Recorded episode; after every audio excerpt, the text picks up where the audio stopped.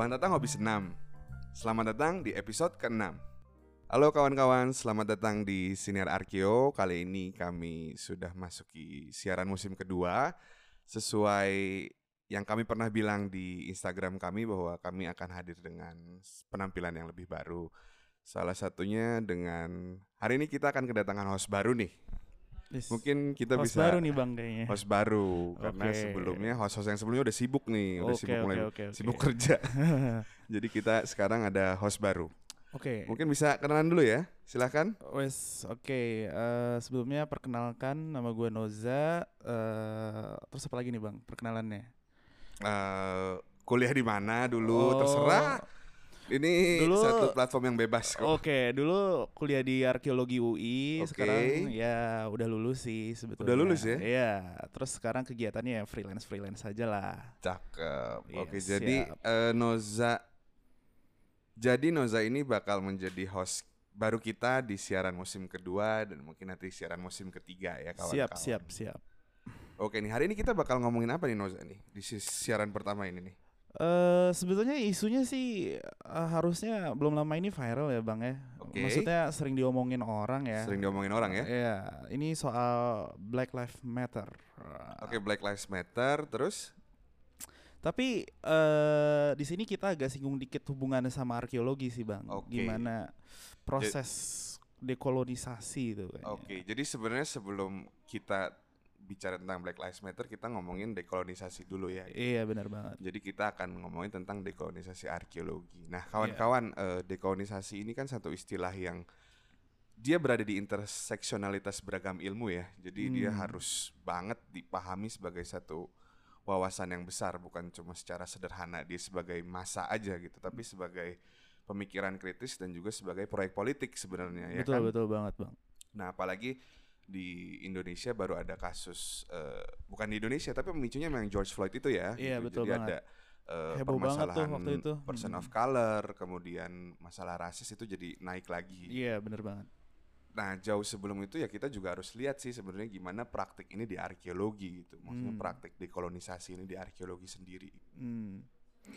Apalagi waktu itu kita mungkin pernah mendengar kasus-kasus yang berkaitan dengan identitas ya. Bagaimana eh, identitas yang dinarasikan oleh arkeologi itu dibentuk itu seperti apa gitu. Betul. Jadi eh, pada dasarnya kan dalam esensi yang terdalam kan arkeologi itu adalah praktik kolonialisme itu sendiri ya gitu. Oh iya benar banget. Jadi kita ya. nggak pernah tahu interpretasi ini dari sudut pandang siapa. Gitu. Apalagi di Indonesia kan kita taunya ini ilmu Barat ya, bukan Iya, epistemologi ketimuran. Gitu. iya.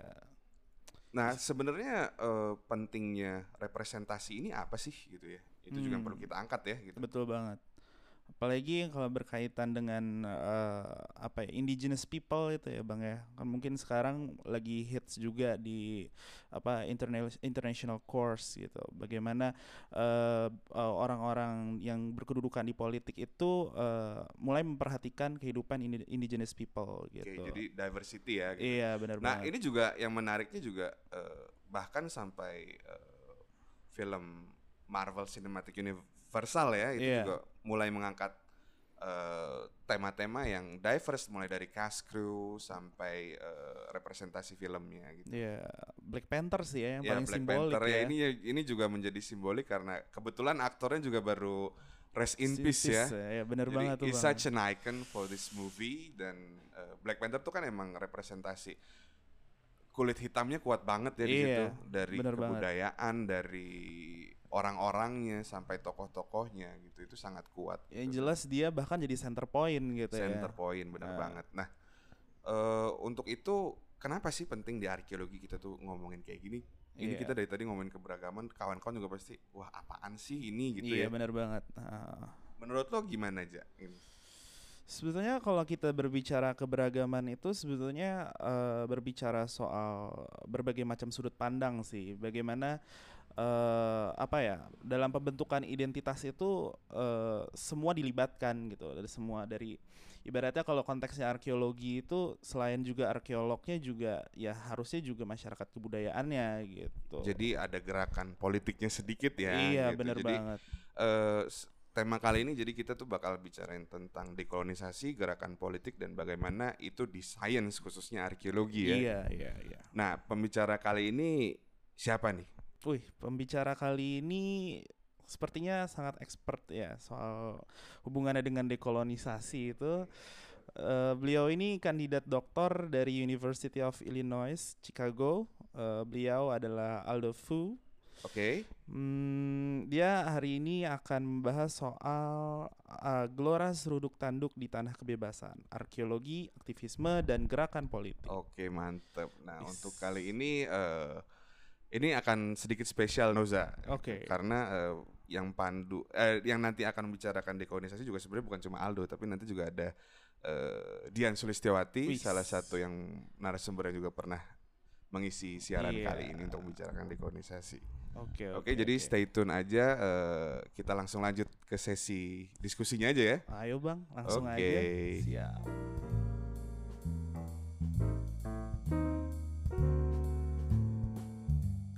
Oke, okay, konco kental, kita udah kembali lagi bersama di sini sudah ada nih Mas Aldo. Halo Mas Aldo. Halo. Halo, sehat di Amerika? Uh, sehat. Yeah. Terima kasih kan lagi balapan ya kita kasus corona ya antara Indonesia dan Amerika ya. Kayaknya di sini menang deh. Di sini menang, di sana menang ya. Nah, selain Mas Aldo juga sudah ada Mbak Dian. Halo Mbak Dian. Halo. Suaranya yang seperti Dian Sastro KW ya. Mukanya juga kok.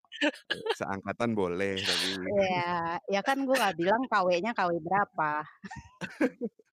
Oke nih, uh, Tadi kan, uh, kita udah di opening kita udah memberikan gambaran apa yang akan dibicarakan nih ya Mas Aldo dan Mbak Dian gitu. Nah before we take it to the next level gitu kan, uh, mungkin ada beberapa istilah kali ya dalam diskusi ini yang perlu kita jabarkan dulu ya. Terkait dengan isu-isu dekolonisasi ya, tentu yang harus dijelaskan ya kayak apa sih itu dekolonisasi itu ya gitu gitu. Gitu-gitu lagi. Perlu nggak sih? Oh ini lagi jadi peran orang linglung ya? Ya peran orang linglung. Apa ya apa ya? Ya pastinya kayaknya sih perlu dikit-dikit aja kali ya. Maksud gue kan, uh, ini kayaknya satu topik yang lagi hangat gitu, kayaknya banyak juga udah dibicarakan, hmm, dan Kebetulan hari ini kita mau ngomonginnya dari perspektifnya arkeologi, gitu kan, dekolonisasi di arkeologi gitu. Apa artinya gitu. Uh, kalau menurut lo sendiri gimana, Dok? Dekolonisasi ini dan kenapa kayaknya kita penting banget ya ngebahas ini ya? Um, dekolonisasi kita bisa, uh, definisinya karena ini sesuatu yang kompleks sekali ya.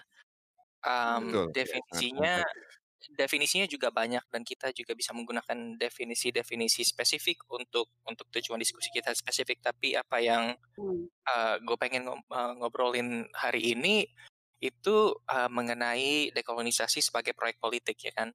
Karena kita bisa melihat dekolonisasi, uh, kita bisa melihat um, dekolonisasi sebagai uh, bagaimana reparasi antara hubungan uh, kolonis dan subjek kolonialnya um, dan itu salah satu dekolonisasi juga tapi yang dekolonisasi yang sepertinya gue ya, pengen term-term lain ya ya seperti gue hmm. pengen ngomongin sekarang itu mengenai um, dekolonisasi uh, struktur-struktur kuasa dan hegemoni-hegemoni lainnya yang yang dihasilkan dari uh, dari kolonialisme itu tersebut.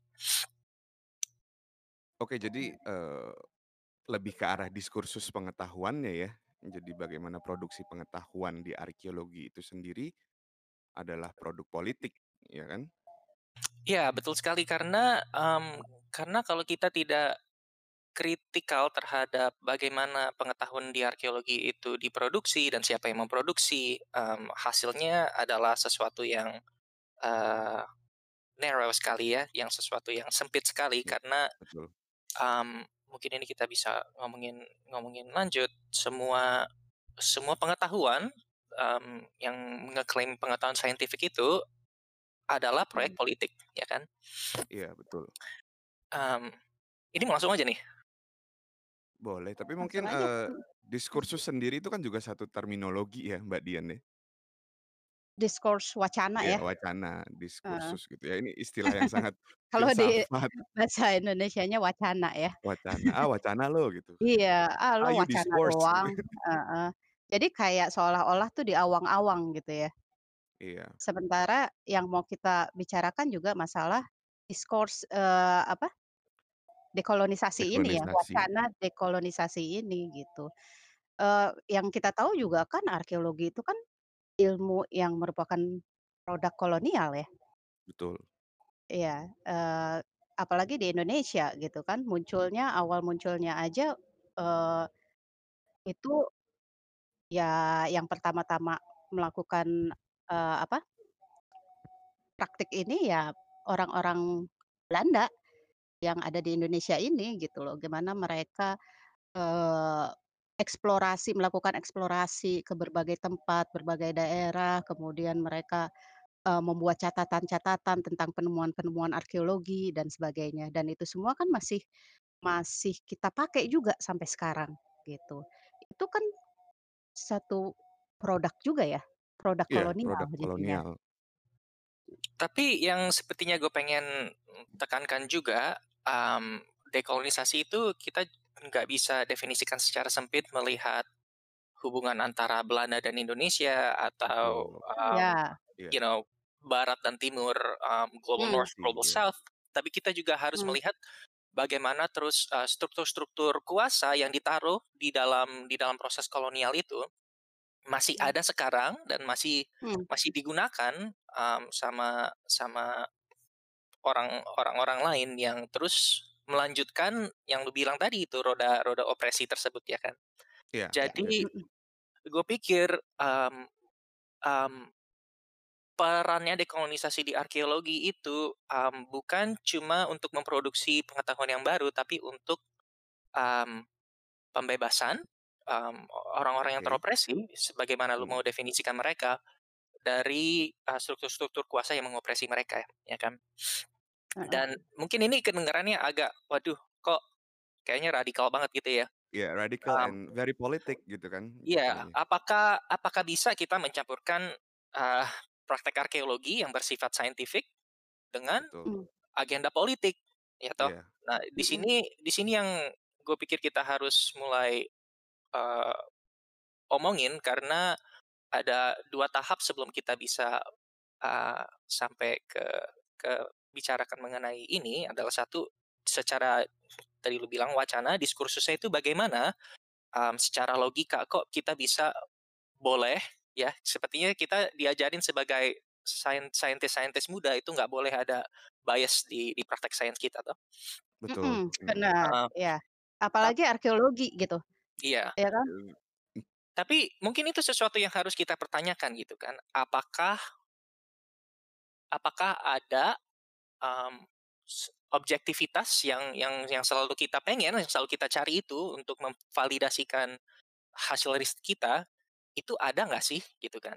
Apakah itu sebuah mitos dan apakah mitos objektivitas itu ada fungsi politiknya juga dan di mana mitos objektivitas itu digunakan oleh orang-orang yang yang yang berdiri di atas struktur kuasa itu untuk, um, mempertahankan struktur kuasa tersebut. Oke, ini Mmm. jadi sebenarnya kan intinya bahasa mudahnya ya buat kawan-kawan konco-konco pendengar siaran ini kan, berarti kalau bisa disingkat secara sederhana, eee, apakah netralitas itu baik atau buruk gitu kan dalam memahami wacana dekolonisasi ini gitu ya, Dok, ya? Jadi singkatnya. Mungkin mungkin kita harus, um, harus menjauh dari even dari dari dari term tersebut ya, um, dari Oke. term Mmm. objektivitas, dari term subjektivitas. Misalkan gua gua kasih propos proposal seperti ini, misalkan nggak pernah ada sains yang objektif, ya toh. Iya, Karena a argumen gue begini, sains itu selalu ada tujuannya. Um, walaupun itu untuk um, um, seperti contoh di di arkeologinya ya, Iya. kita kita bisa membicarakan bagaimana interpretasi arkeologi di di sini, di North America mengenai, eee, Native American itu selalu, um, interpretasinya berjalan dengan bagaimana pendapat uh, society terhadap Native American tersebut dan pendapat politik itu nggak selalu satu gitu. Kadang-kadang banyak suara-suara politik yang berbeda yang terefleksi terus di mm-hmm. praktek arkeologinya. Um, jadi seperti um, Thomas Jefferson, ya itu legendanya dia orang yang pertama kali di Amerika yang mengadakan arkeologi karena di di di kebun belakangnya ada um, Native American burial mound okay. dan terus dia pikir ah ini harus diekskavasi secara secara saintifik karena Scientific, ya. karena Native American itu udah udah mau hilang gitu kan sementara ini tahun 1000 1700-an mereka masih ada sampai sekarang juga Native American mm -hmm. masih ada gitu kan mm -hmm. um, tapi juga terus um, di mana uh, interpretasi-interpretasi situs seperti Cahokia itu um, Native American uh, situs Native American Mound. Mound itu bahasa Indonesia-nya apa? Apa? Mound uh, gundukan. Gunung, gundukan. gundukan. Uh. Ya, di mana yeah. ini ada kota berbentuk you know uh, tempat residensi berbentuk gundukan-gundukan yeah. yang yang banyak sekali dan dan tersebar luas sekali. -hmm. Yang arkeolog-arkeolog di tahun 1800 karena mereka menolak bahwa uh, grup-grup Native American itu bisa bisa kompleks dan bisa menghasilkan struktur-struktur hebat seperti uh, Cahokia Mounds, uh, mereka tidak terus uh, menginterpretasikan Cahokia Mound itu sebagai sesuatu uh, artefak yang diproduksi oleh Native American. Jadi mereka justru mengatribusikan uh, Cahokia itu yang bangun orang Viking lah, orang Hindu lah, uh, everybody everybody yeah. but Native American karena menurut everybody mereka Native, American, yeah. betul Native hmm. American itu nggak mampu karena Native American itu terbelakang. itu ya. Betul. Dan betul. ya dan produksinya itu kan juga cuma hanya dari sudut pandang mereka gitu ya. Betul. Dan Jadi, lalu narasi itu dilanjutkan lagi di mana um, di mana lalu uh, mereka melakukan versi awalnya yang yang sekarang kita namakan mungkin ethnohistory, tanya-tanya ke Native American tribes yang masih ada di situ, siapa sih yang membangun siapa yang membangun uh, Native American uh, Cahokia ini? Dan mereka bilang uh, kita tidak kita kita nggak tahu itu mungkin you know orang-orang yang lebih lebih dulu di sini daripada kita. dan ya dan lalu cerita-cerita itu dipelintirkan menjadi bahwa Native American itu bukan bukan settler pertama di tanah ini berarti ya, berarti kalau kita kita ngegusur mereka itu juga boleh karena mereka It's sendiri okay. menggusur orang lain. They were Waduh. the first people on this land gitu ya ibaratnya. Iya. Iya, jadi dari dari dari attitude Amerika aja terhadap Native American, Native American sites terutama Cahokia kita bisa melihat bagaimana uh, lalu terus aktivisme-aktivisme yang mungkin baru berasal di tahun 80 tahun 90-an merubah uh, interpretasi Cahokia menjadi situs yang sebenarnya kompleks sekali, yang yang yang yang luas sekali dan bisa dihasilkan oleh oleh Native American dan pertanyaan-pertanyaan ya, arkeologi. Iya, betul. Pertanyaan-pertanyaan arkeologi yang dipertanyakan mengenai situs tersebut menjadi lebih kompleks gitu kan. Seperti siapa saja sih yang tinggal di sini, um, praktek ekonomi apa aja yang di sini, praktek you know um, agrikultural apa aja di sini. Pertanyaannya menjadi lebih lebih rumit dan lebih lebih kompleks uh, untuk menggambarkan kehidupan Native American dan itu itu semua sejalan dengan attitude um, Americans terhadap terhadap Native American sekarang di sini. Sampai sekarang gitu ya jadi ya yeah. masih yeah. tertinggal. Nah ini menariknya ya kalau di Indonesia mungkin uh, praktik uh, melihat justifikasi seperti itu di kasus yang seperti apa ya Mbak Dian nih? Menurut gue Dik ya, uh, kalau yang gue amati sih sepertinya penelitian arkeologi kita itu masih berkutat di seputar pencarian identitas. Mau itu identitas daerah maupun identitas nasional. Jadi kalau kita amati bareng-bareng nih, banyak sekali riset-riset arkeologi di Indonesia itu fokusnya pada bangunan-bangunan atau temuan-temuan arkeologi yang sifatnya monumental yang besar, yang gede, yang kelihatan di mata gitu. Kalaupun pada temuan-temuan arkeologis lain yang enggak monumental, itu biasanya narasinya akan diarahkan untuk uh, menjustifikasi kehebatan atau kejayaan nenek moyang kita di masa lalu. Jadi uh, dari temuan arkeologi itu nantinya dinarasikan bahwa bangsa kita dulu adalah bangsa yang hebat, bangsa kita adalah bangsa yang besar atau bangsa kita yang pertama kali misalnya uh, membuat peradaban ini atau bangsa kita itu adalah bangsa yang tertua, lebih tua dari peradaban atau bangsa lain di dunia gitu. Nah, masih yang masih yang seperti itu. Sementara seperti yang Aldo sempat bilang tadi, untuk penelitian atau riset-riset mengenai masyarakat biasa, apalagi mengenai suara orang-orang yang teropresi di masa lalu, sepertinya ya masih belum banyak diungkap atau dieksplor lebih jauh. Ya, gue gak tahu apakah itu karena kita sebagai bangsa iya. yang bekas bangsa yang terjajah gitu ya. Jadi kita iya. ingin membuktikan banget gitu bahwa bahwa kita itu hebat besar gitu di masa lalu. Sama gitu. mungkin satu ada satu periode bahwa kita nggak bisa, hmm, ya ini fakta sejarah bahwa masa pemerintahan Soeharto itu kan sangat panjang ya, Mbak Dian hmm. ya di sini gitu kan. Ya itu juga yang membuat jadi seolah-olah penelitian arkeologi itu Jawa sentris ya gitu. Ya itu banget sih Iya, kalau jadi kalau mau dipikir banget, jadi maksudnya yang mungkin kalau Aldo tadi kan contohnya itu sangat prehistory ya, Do, ya, Native American gitu yang, Hmm. uh, they don't have records or they have, uh, I don't know gitu, tapi di sini, uh, periode arkeologi masa klasik kuno itu Jawa tuh lebih banyak dibicarakan dibanding porsi, uh, kekunoan yang lain gitu. Ya. Karena kalau itu juga gue pikir kita ini ya Dik, uh, udah nggak bisa bermain di periodisasi kalau kayak gitu, Iya. karena itu kan nggak kena di semua Indonesia tuh terlalu luas gitu loh. Betul, iya.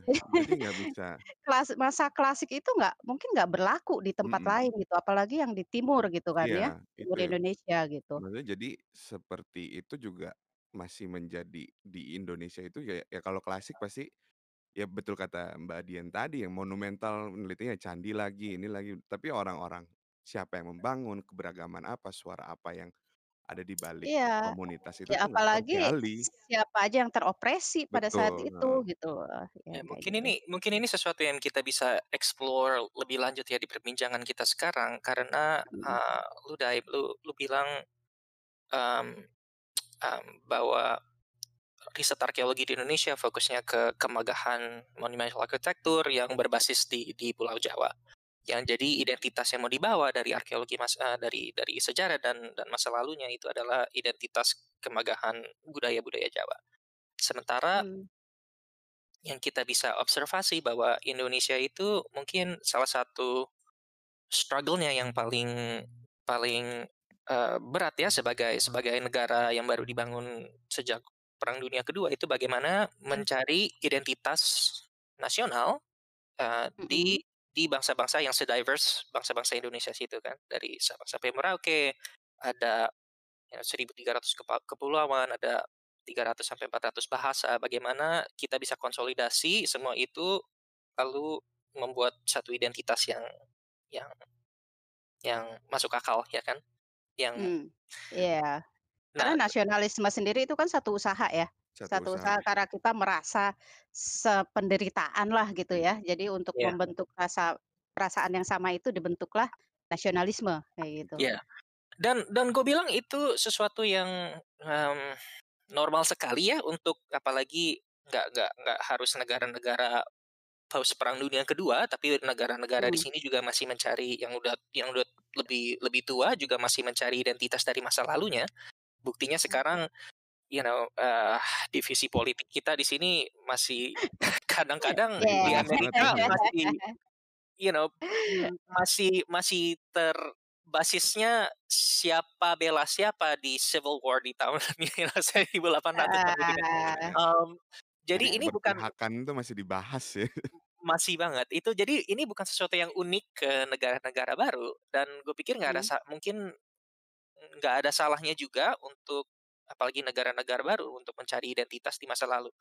Dan yang terus kita mm, menurut gua relevan sekali ke poin kita mengenai dekolonisasi ini, terus bagaimana penggunaan naratif-naratif masa lalu itu fokus ke mungkin arkeologi you know percandian monumental besar di Jawa itu menghasilkan um, rep representasi yang nggak uh, nggak even, yang nggak Iya, nggak merata ya. Nggak merata ke Nggak mewakili Indonesia sebenarnya gitu Betul, kan. betul. Jadi pertanyaannya sekarang tugas tugas kita sebagai arkeolog yang yang yang bekerja dan meriset di Indonesia, apa yang kita bisa lakukan gitu kalau kita ingin merepresentasikan um, semua orang yang yang yang berpartisipasi di politik pembangunan hmm. negara di masa lalu juga gitu kan.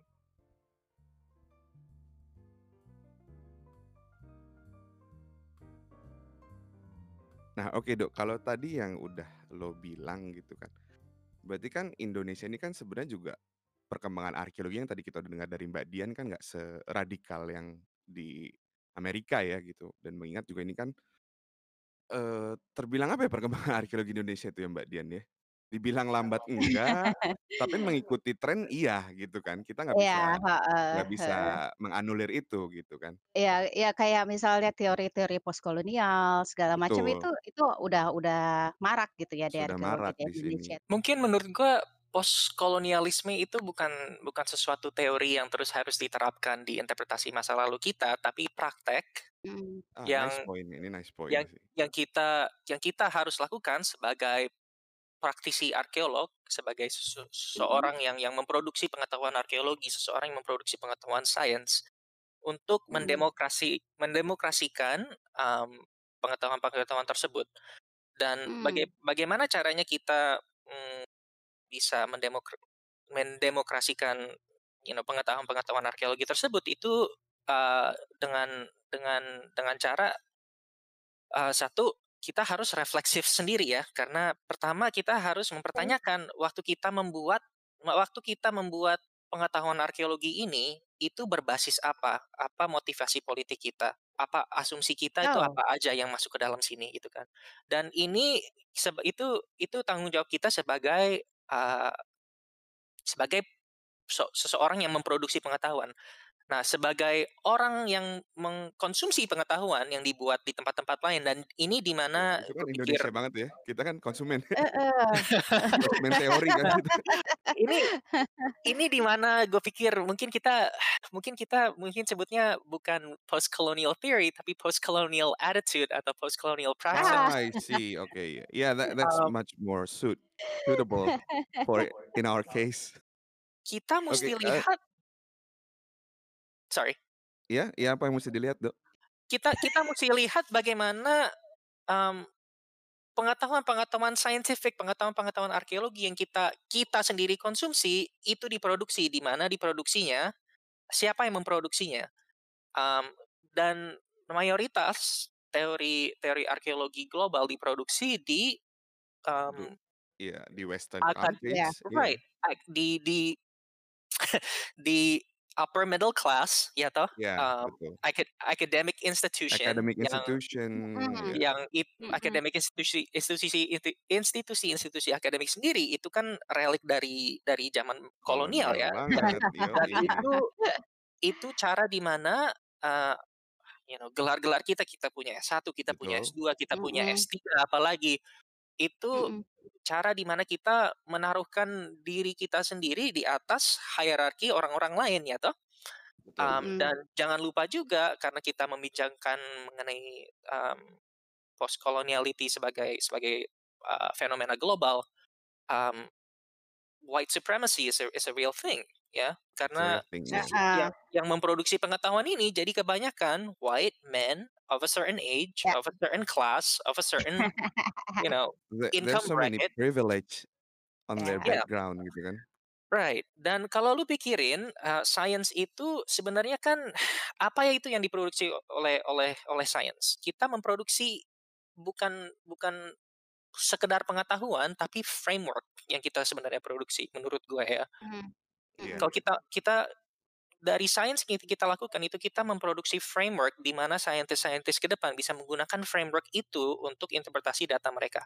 Kalau framework Mhm. itu, you know, cocok dengan data yang apa mereka observasi, oke berarti framework itu bisa menjelaskan fenomena-fenomena arkeolog di situ tersebut, fine. Uh, tapi framework ini yang kita produksi dan framework yang kita konsumsi itu juga basisnya itu kan di di dari riset-riset yang lalu yeah, dan juga dari asumsi-asumsi yeah. kita sebagai manusia gitu. Mm-hmm. Jadi kalau asumsi yang selama ini di teori-teori arkeologi itu sempit sekali di mana sempitnya itu hanya you know yang tadi gue bilang western white mm-hmm. um, upper middle class apakah itu bisa digunakan untuk menjelaskan fenomena fenomena global, global ya kan? Betul. Apakah iya. itu teori-teori itu bisa digunakan untuk menjelaskan fenomena-fenomena arkeologi yang terjadi di Indonesia? Mungkin jawabannya hmm. iya. Tapi bagaimana tapi if. tapi juga kita um, mungkin kalau kita lebarkan uh, framework tersebut, lebarkan framework tersebut tersebut untuk uh, include um, perspektif-perspektif subaltern, perspektif-perspektif yang selama ini kita nggak dengarkan, indigenous, ya toh, uh, yeah. queer queer folks, um, queer folk, mm-hmm. person of color, person woman. of color, mungkin ada framework yang lebih cocok, ya kan? Mungkin yeah, kita betul. bisa kita bisa lihat data arkeologi nggak terbatas dari uh, struktur-struktur yang udah di set sama kolonial tersebut gitu. Ini balik lagi deh, gue tadi agak tertarik dengan ketika bicara postkolonial apa uh, teori gitu ya, tapi itu selalu ngebawa kita bahwa uh, mestinya ya ya uh, teori itu uh, apa ya bukan bukan teorinya gitu, tapi iya, attitude-nya iya, ya. Postkolonial attitude itu yang mesti kita terapkan gitu di arkeologi karena itu yang nantinya akan membentuk uh, mentalitas, kita dan juga nge-framework kita gitu iya. ya. Dan kalau misalnya seperti itu balik lagi deh uh, ke yang pertama tadi mengenai objektivitas sih. Iya. Hmm. Jadi uh, is it is Gimana it dong? Karena, ya, karena selama ini Iya. Ya, as, as uh, ini ya kayak tadi ya ternyata kita itu kan orang-orang yang punya privilege ya, Privilege. yang di kalangan uh, akademisi dan sebagainya gitu. Dan kita selalu mengatasnamakan penelitian kita, hasil kerja kita itu semua di atas objektivitas gitu. Iya. Nah, sekarang nih, nih gimana jadinya kalau kita harus menyingkirkan itu dulu? Karena ini gue jujur agak shock juga nih. Iya. Gini dong. Yang gitu. What? Gitu kan. Jadi yang tadi gue pengen coba argumentasikan bahwa sains itu nggak pernah objektif, ya toh? Iya. Sains itu iya. selalu Dengan ada apa tujuannya. Yang udah bicarakan jadinya kesannya seperti itu, gitu kan? Iya. Jadi kalau sains itu nggak objektif dan sains itu selalu politikal, kenapa hmm. kita nggak boleh untuk memasuki politik poli narasi-narasi politik yang untuk membangun dan meliberasikan kaum-kaum subaltern itu, gitu. Yeah. Apa bedanya? Apa bedanya kita kita ingin mengangkat um, politik, you know, aktivisme-aktivisme kita itu nggak ada bedanya dengan um, aktivisme lain gitu. Aktif, aktivisme lain ya sebenarnya, you know, memasukkan yeah. nasionalisme ke dalam dalam Betul. arkeologi. Karena gue melihatnya jadi dengan memasukkan aktivisme, jadinya kita ya melawan pedang dengan pedang gitu, bukan eh, bukan timpang lagi gitu. Jadi yang sebenarnya gue pengen kritik benar-benar itu um, pembawaan penggunaan kata objektif itu karena itu okay. sering sekali dipakai untuk untuk jadi alat opresi itu sendiri ya toh. Iya. Karena betul. ah karena hmm. kalau kalau ini secara saintifik itu sudah sudah objektif. Sudah legal, sudah objektif. Sudah legal, sudah valid. Berarti suara, iya. suaranya yang benar itu cuma suara yang ini doang. Suara satu A gitu. Suara satu. ya suara-suara lain tuh sebenarnya maybe it's much better or or anything gitu, cuman lebih suitable gitu ya. Ya. Jadi salah satu yang tadi lu mau bawa itu Dai bagaimana mm -hmm bagaimana relasinya ke objektivitas dan dan eh, dan postcolonial attitude itu dari untuk salah satu prakteknya postcolonial attitude itu kita harus um, investi selalu selalu curiga dan selalu investigasi oleh struktur-struktur kuasa dan dan alat-alat apa yang dipakai untuk struktur kuasa itu untuk membungkam suara-suara orang lain ya toh. Kenapa ya. kenapa kalau lalu misalkan state, negara, atau upper middle class atau white people, kalau dia memasukkan politiknya ke dalam sainsnya, itu nggak dipermasalahkan.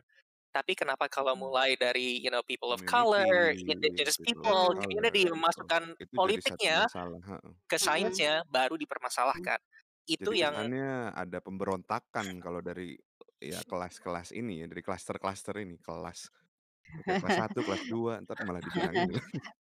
Iya. kelompok-kelompok.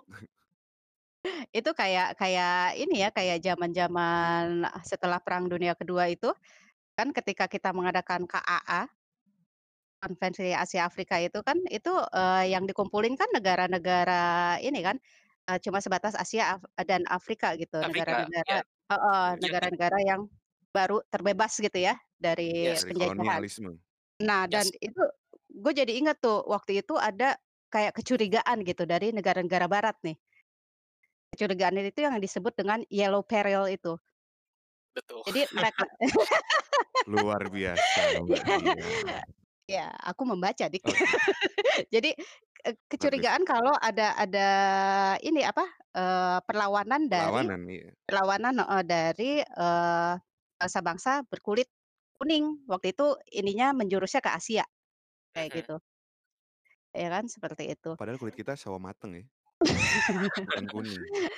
Nah, uh, ya ya kecurigaan-kecurigaan itu kan juga merupakan, uh, apa ya, kayak superioritas juga ya dari orang kulit putih gitu ya. Ya, Bagaimana kemudian kenapa menimbulkan, uh, ini, ra uh, rasisme lagi sebenarnya gitu. Sementara mereka sendiri menuduh KAA itu rasis gitu. Yang lucunya gitu, mereka menuduh KAA yeah. rasis karena nggak ngundang, uh, negara negara barat barat. gitu. Right. Blok-blokan, gerak-gerak blok-blokan. Mm-mm. Ya sama lah kayak di circle-circle kehidupan kita ya, blok-blokan. Lu kali. Nah, seperti itu. Nah, jadi hubungannya apa tadi? Tapi yang menarik karena Mbak Dian juga tadi nyinggung KAA ya, itu kan juga jadi momentum bahwa dari negara-negara ini juga justru kita nih merdeka dari apa sih sebenarnya gitu kan?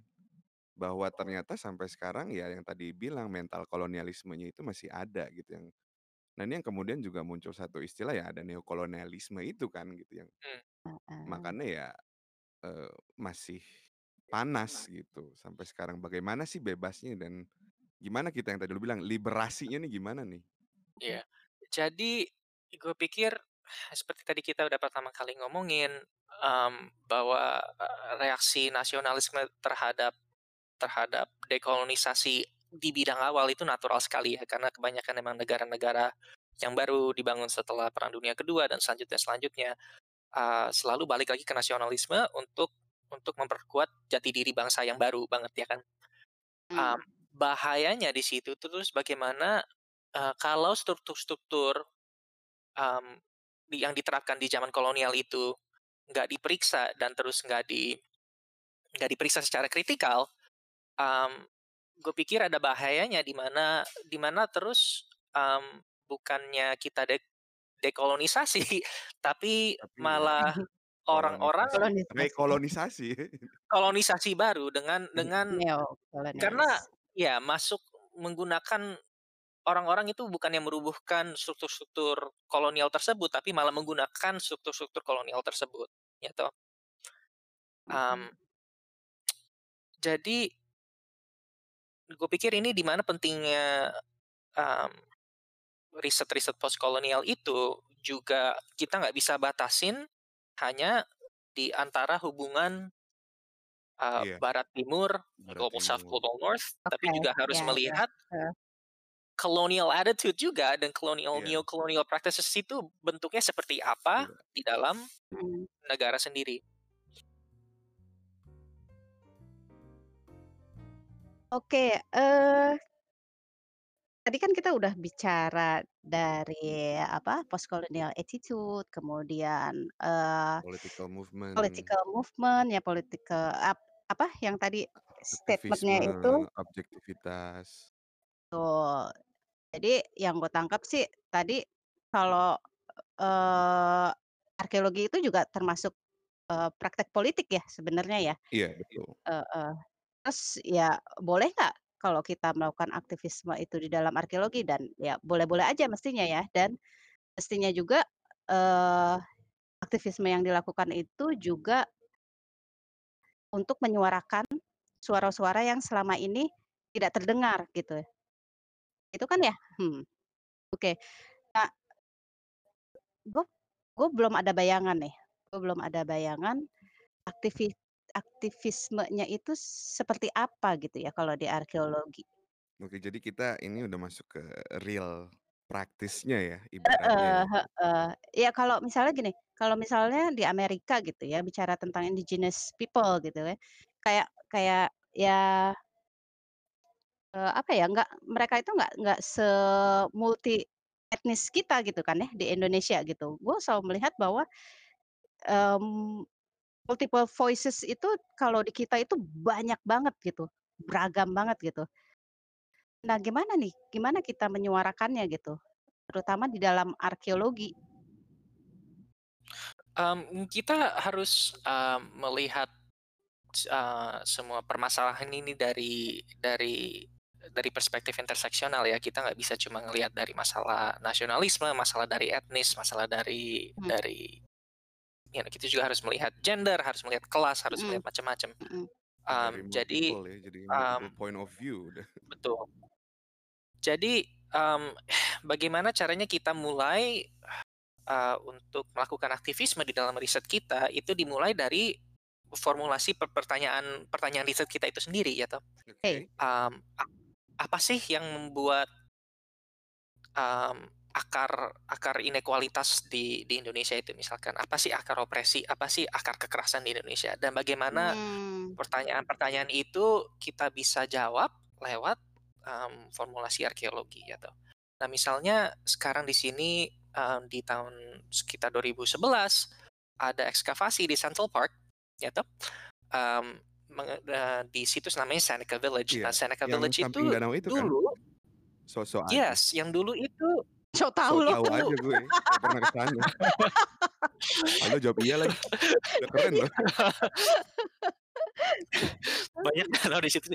Jadi di di Seneca Village itu dulu kampung kampung black people, banyak sekali yang tinggal di situ, yang terus digusur untuk dibangun Mhm. Central Park di atasnya ya toh. Mhm. Da kalau lu lu historian of New York City, lu dengerin oral history-nya, you know, black people in around New York City, dia bakal ngomongin, "Oh ya ada Seneca Village ada Seneca Village."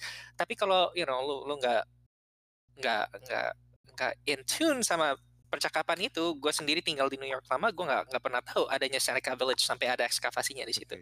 Nah jadi Mmm. jadi pertanyaan, um, you know, bagaimana sih pengalaman orang kampung, orang hitam pertama di New York yang lalu digusur untuk untuk membangun, you know, green space, luxury space untuk Iya. orang-orang kaya yang tinggal Manhattan. Pengalaman itu bagaimana? Itu jadi pertanyaan yang diprioritaskan, eee, nah terus di dijadikan basis proyek Seneca Village ini gitu. Um, sama dengan dengan arkeologi-arkeologi yang dilakukan di kota-kota kolonial awal di Amerika gitu, di Jamestown, di tempat-tempat seperti itu. Selalu pertanyaannya bagaimana sih, eee, white settler, pengalaman white settler itu pertama kali di sini bagaimana gitu tuh. Mmm. Um, bagaimana orang-orang dari dari Inggris datang ke sini, terus you know, mulai membangun negeri bla bla bla bla bla bla. Nah sekarang pertanyaannya sudah mulai mulai shifting lagi gitu kan. Oke. Jadi bukan mempertanyakan aktor kolonialnya, tapi bagaimana aktor subaltern-nya, bagaimana pengalaman indigenous people, um, di di situs-situs kolonial tersebut, Iya. bagaimana pengalaman enslaved people, um, orang-orang yang diperbudak di situs-situs tersebut. Dan dari situ kita kita, eee, nge-reframe pertanyaan-pertanyaan arkeologi kita untuk mengutamakan suara-suara dan pengalaman-pengalaman orang-orang yang selama ini suara dan pengalamannya tidak kedengeran, ya. Mhm. Heeh. Nah dari itu dari dari dari perspektif formulasi pertanyaan risetnya ya toh. Mmm. Um, metodologinya sendiri kita juga harus benar-benar kerja dengan komunitas ya toh. Mmm, Dai lu banyak berkecimpung di, eee, dunia heritage ya toh di Indonesia. Um, di itu kita di mana kita selalu dibilang harus harus bekerja sama dengan indigenous people, yeah. harus bekerja sama dengan komunitas-komunitas lokal, tapi itu juga nggak boleh performatif doang gitu ya, tuh. Ah, iya. Um, iya. Kita beneran harus harus dengerin karena salah satu tujuan kita itu kan kalau kita ingin dekolonisasi epistemologi, dekolonisasi ilmu pengetahuan dengan cara memasukkan suara-suara yang kita nggak pernah dengerin, hmm. kita harus benar-benar dengerin suara iya. mereka. Yeah. Apa apa concern mereka, apa uh, apa yang mereka pengen tahu mengenai situs ini, apa yang mereka pengen tahu mengenai hmm. masa lalu mereka, yeah, apa yang apa concern mereka ke depan bagaimana, um, itu juga bisa mengarah ke lalu uh, kita bisa menulis kebijakan-kebijakan apa mengenai manajemen situsnya, siapa yang bakal hmm. manage-nya, training apa aja yang perlu dilakukan. Iya, dan nggak cuma sekedar formalitas aja ya, iya. oh melibatkan Itu masyarakat setempat, kayak gitu. bicarakan juga. Uh, uh, gue menemukan satu pernyataan yang menarik di apa di bidang heritage dan uh, arkeologi publik ya. Ini kan juga bagian dari situ ya, Mbak Dian ya gitu. Hmm, hmm. Ada satu pernyataan bahwa uh, ya meskipun arkeolog di atas kertas di teori itu udah ngomong gitu, pada dasarnya ketika uh, itu berlangsung, itu terjadi ya, hubungan antara arkeolog dan indigenous people ini tetap asymmetrical dan unequal gitu, tetap suara arkeolog yang muncul bukan si komunitas dan ini kan permasalahannya bagaimana komunitasnya yang lebih banyak porsinya yang muncul kan gitu. Jadi nah di Indonesia dengan yang multi voices itu kan juga jadi satu rintangan ya Mbak Dian ya. Iya itu, uh, ya apa ya Tantangan sih, tantangan kalau gue ngeliat Iya. heeh, Positif sekali sudut pandangnya. Iya, memang harusnya Tapi begitu. tapi kan emang tujuannya bukan untuk menghomogenasikan Iya, suara di masa lalu, Iya, justru itu mungkin justru justru ya tujuannya untuk dampak yang dari nasionalisme itu ya reduksi ya, ada reduksi Betul variasi betul kita dari ujung Sabang sampai Merauke. Ya, oh, semua tiba-tiba punya batik gitu kan ya. Tiba-tiba punya batik. Ikat aja nanti. Minta di ya. nih siarannya. Oke, okay, apart from methodology dok, big, uh, apart from methodology gitu tadi frameworknya, uh, apa, selain itu apa lagi dok? Um, kita juga harus harus yakin bahwa harus memastikan bahwa riset kita ada gunanya untuk hmm. komunitas-komunitas lokal tersebut dan uh, gunanya ini ya ini diskusi kita dengan mereka gitu tuh. Hmm. Karena kalau kalau riset kita kita bilang ini riset mengenai aktivisme tapi juga nggak nggak ada nggak ada gunanya hmm. untuk mereka nggak melibatkan dan nggak ada iya. gunanya mereka hmm. apakah benar-benar ini ini aktivisme ini buat siapa buat mereka atau buat kita gitu um, dan kita juga harus um, secara secara institusi memastikan bahwa yang tadi lu bilang itu kenapa waktu komunitas-komunitas lokal uh, berbincang dengan arkeolog suaranya masih nggak si asimetris mengarah ke arkeolog yang lebih berkuasa gitu Betul. loh bagaimana, bagaimana kalau kita memberi kuasa ke komunitas-komunitas lokal yeah. tersebut atau ke kaum-kaum yang tadi kita bilang yeah. sebagai subaltern tersebut dengan cara um, memastikan mereka punya akses ke edukasi. Kenapa kenapa kita nggak ngelihat banyak um, you know gender queer atau atau hmm. arkeolog dari dari Local. Yeah, you know, dari indigenous dari local indigenous uh, communities yang yang melakukan arkeologi diri uh, arkeologi mereka sendiri. Oke, jadi um, ya itu itu salah satu cara ya gimana arkeologi itu bisa relate sebetulnya iya. sama uh, masa sekarang oh ini ya. betul. Jadi kayak misalnya nih Mbak Dian nih arkeolog Trenggalek nih. Kenapa nggak meneliti tentang arkeologi Trenggalek gitu? Kebanyakan gua di sana, Mas. Dan da, bukan bukan berarti bukan berarti juga kita pigeonhole mereka, kita bukan berarti juga kita, kita hmm. bilang ah lu arkeologi dari Papua yeah. cuma bisa kerjain situs-situs yeah. di Papua. Oh, boleh di. Nah, boleh justru ya.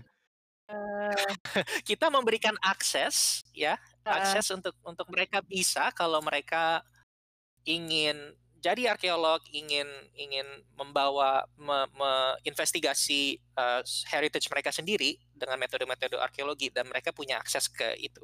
Dan ini supportnya bukan cuman selama ini kita mungkin kita bilang attitude macam-macam gitu.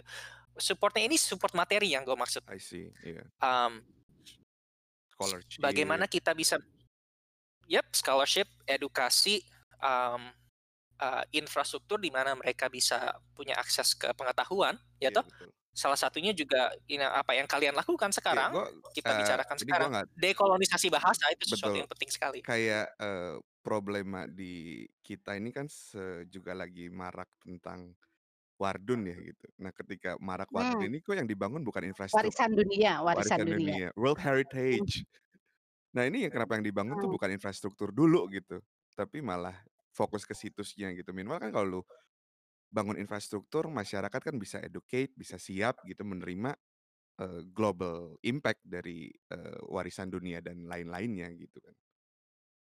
Jadi jadi gue pikir yang yang mungkin kita balik ke masalah Iya. objektivitas itu, dari eee, dari aktivisme ini kita kita nggak menjawab pertanyaan kita lewat aktivisme, kita mencari pertanyaan kita Dari dari Mmm, aktivisme aktivis tersebut. dengan melibatkan. Heeh. eee, ya local people, indigenous, eee, and any Iya. subtle, eee, community tadi ya gitu.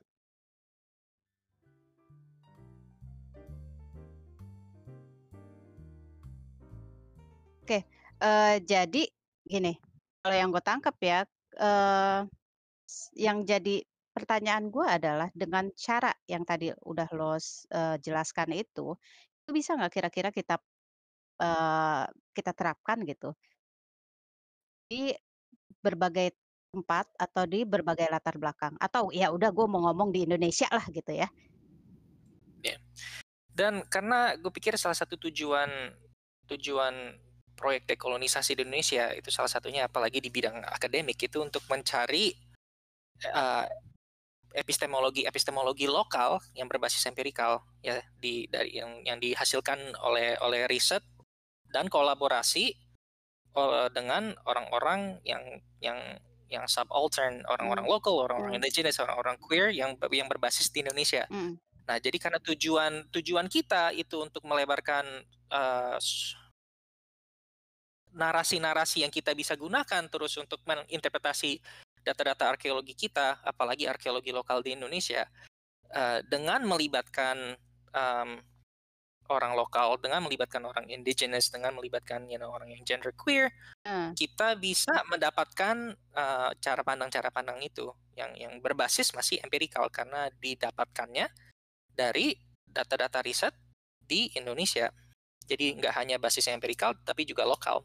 Dari situ kita bisa baru, eee, kontribusi ke misalkan, eee, percakapan-percakapan atau debat-debat dekolonisasi di Heeh. di di dalam konteks global, eee, kalau kita udah punya data-data tersebut. Oh, Oke. oke. Nah, ini karena udah di penghujung siaran ya, kita kan ada Oh, durasi nih. nggak berasa ya? Nggak berasa, udah Padahal masih banyak banget kayaknya yang pengen Bang iya diobrolin. memang memang banyak karena dekolonisasi ini kayaknya tidak akan selesai dalam 1 jam saja, ku Iya. telah bisa alay udah ah. Oh ya. Tapi tapi ini Dik, menarik sih maksud Menarik. gue, eee, karena, eee, kita bicara dekolonisasi itu selalu bicara hubungan kita antara Dengan Belanda, iya as a Belanda political project, heeh, betul. iya iya Jadi, yang selalu eee, yang kayak ini gitu. gua mencoba sedikit cerdas ya menyimpulkan diskusi yang ringan-ringan berat ini. Biasanya nggak cerdas. Biasanya nggak cerdas. Eee, justru jadi di Indonesia ini ketika kita mau bicara dekolonisasi di arkeologi, kita nggak bisa semata-mata langsung telan bulet-bulet aja ya teori postkolonial dan wacana-wacana dekolonisasi gitu, karena apa yang tadi udah dibicarakan kan di Indonesia ternyata praktik arkeologinya masih praktik kolonis banget gitu kan. Dan, apa yang harus kita lakukan adalah shifting pengertian dekolonisasi sebagai project politik ke critical approach gitu. Jadi sebagai pemikiran kritis bagaimana itu membangun, pertanyaan penelitian kita, membangun pandu metodologi kita gitu, dan dengan melibatkan yang tadi Mas Aldo bilang gitu, lokal community, indigenous, gender queer, dan person of color, dan kelompok lainnya gitu. Jadi Oke, make jadi sure before you Iya. do, eee, decolonization theme di arkeologi, make sure bahwa arkeologinya sendiri itu sudah terdekolonisasi atau belum gitu kan. Oke, ya Iya nggak sih? dan iya dan Iya ya? yang penting itu tadi permasalahannya ya, Permasalahannya, iya. ketika kita membentuk permasalahan itu, itu gue rasa, eee, buat gue pribadi ya, buat Mmm. gue pribadi itu jadi jadi satu peringatan juga gitu, Iya. bahwa Peringatan apa kacamata tamparan ya keras nih? Peringatan aja lah. Eee, nanti kalau di luar kita baru bicara tamparan keras. Jadi, eee framework gue atau cara berpikir gue gitu ya, atau ya kita gitu ya eee, ya itu harus dimulai dari bagaimana kita membentuk permasalahannya itu sendiri gitu ya. Dari kacamata eee, siapa kita harus melihat permasalahan itu gitu Iya, loh. betul. Oke, itu aja Oke, kayaknya terima gitu. kasih Mas Aldo. Thank you Sama-sama. for your time. Thank you Aldo ya. Ini jam-jam brunch ya di Mhm. Amerika ya, lagi makan bacon. Haram cuy. Mbak Dian juga terima kasih sudah bersedia menjadi tandem untuk diskusi yang ringan menjadi ini. ya. Oke kawan-kawan konco kental, eee, terima kasih masih mendengarkan siaran kami dan tidak lupa juga, eee, kami akan mengupload materi-materi diskusi ini di Google Drive kami gitu dan ini siaran juga akan ada di Spotify. Oke, eee, terima kasih Mbak Dian sekali lagi dan Mas Aldo sehat selalu ya di masa pandemi ini sama-sama ya. Dik. Ya, Terima kalian kasih. berdua juga ya, sehat-sehat. Bye. Bye. Bye.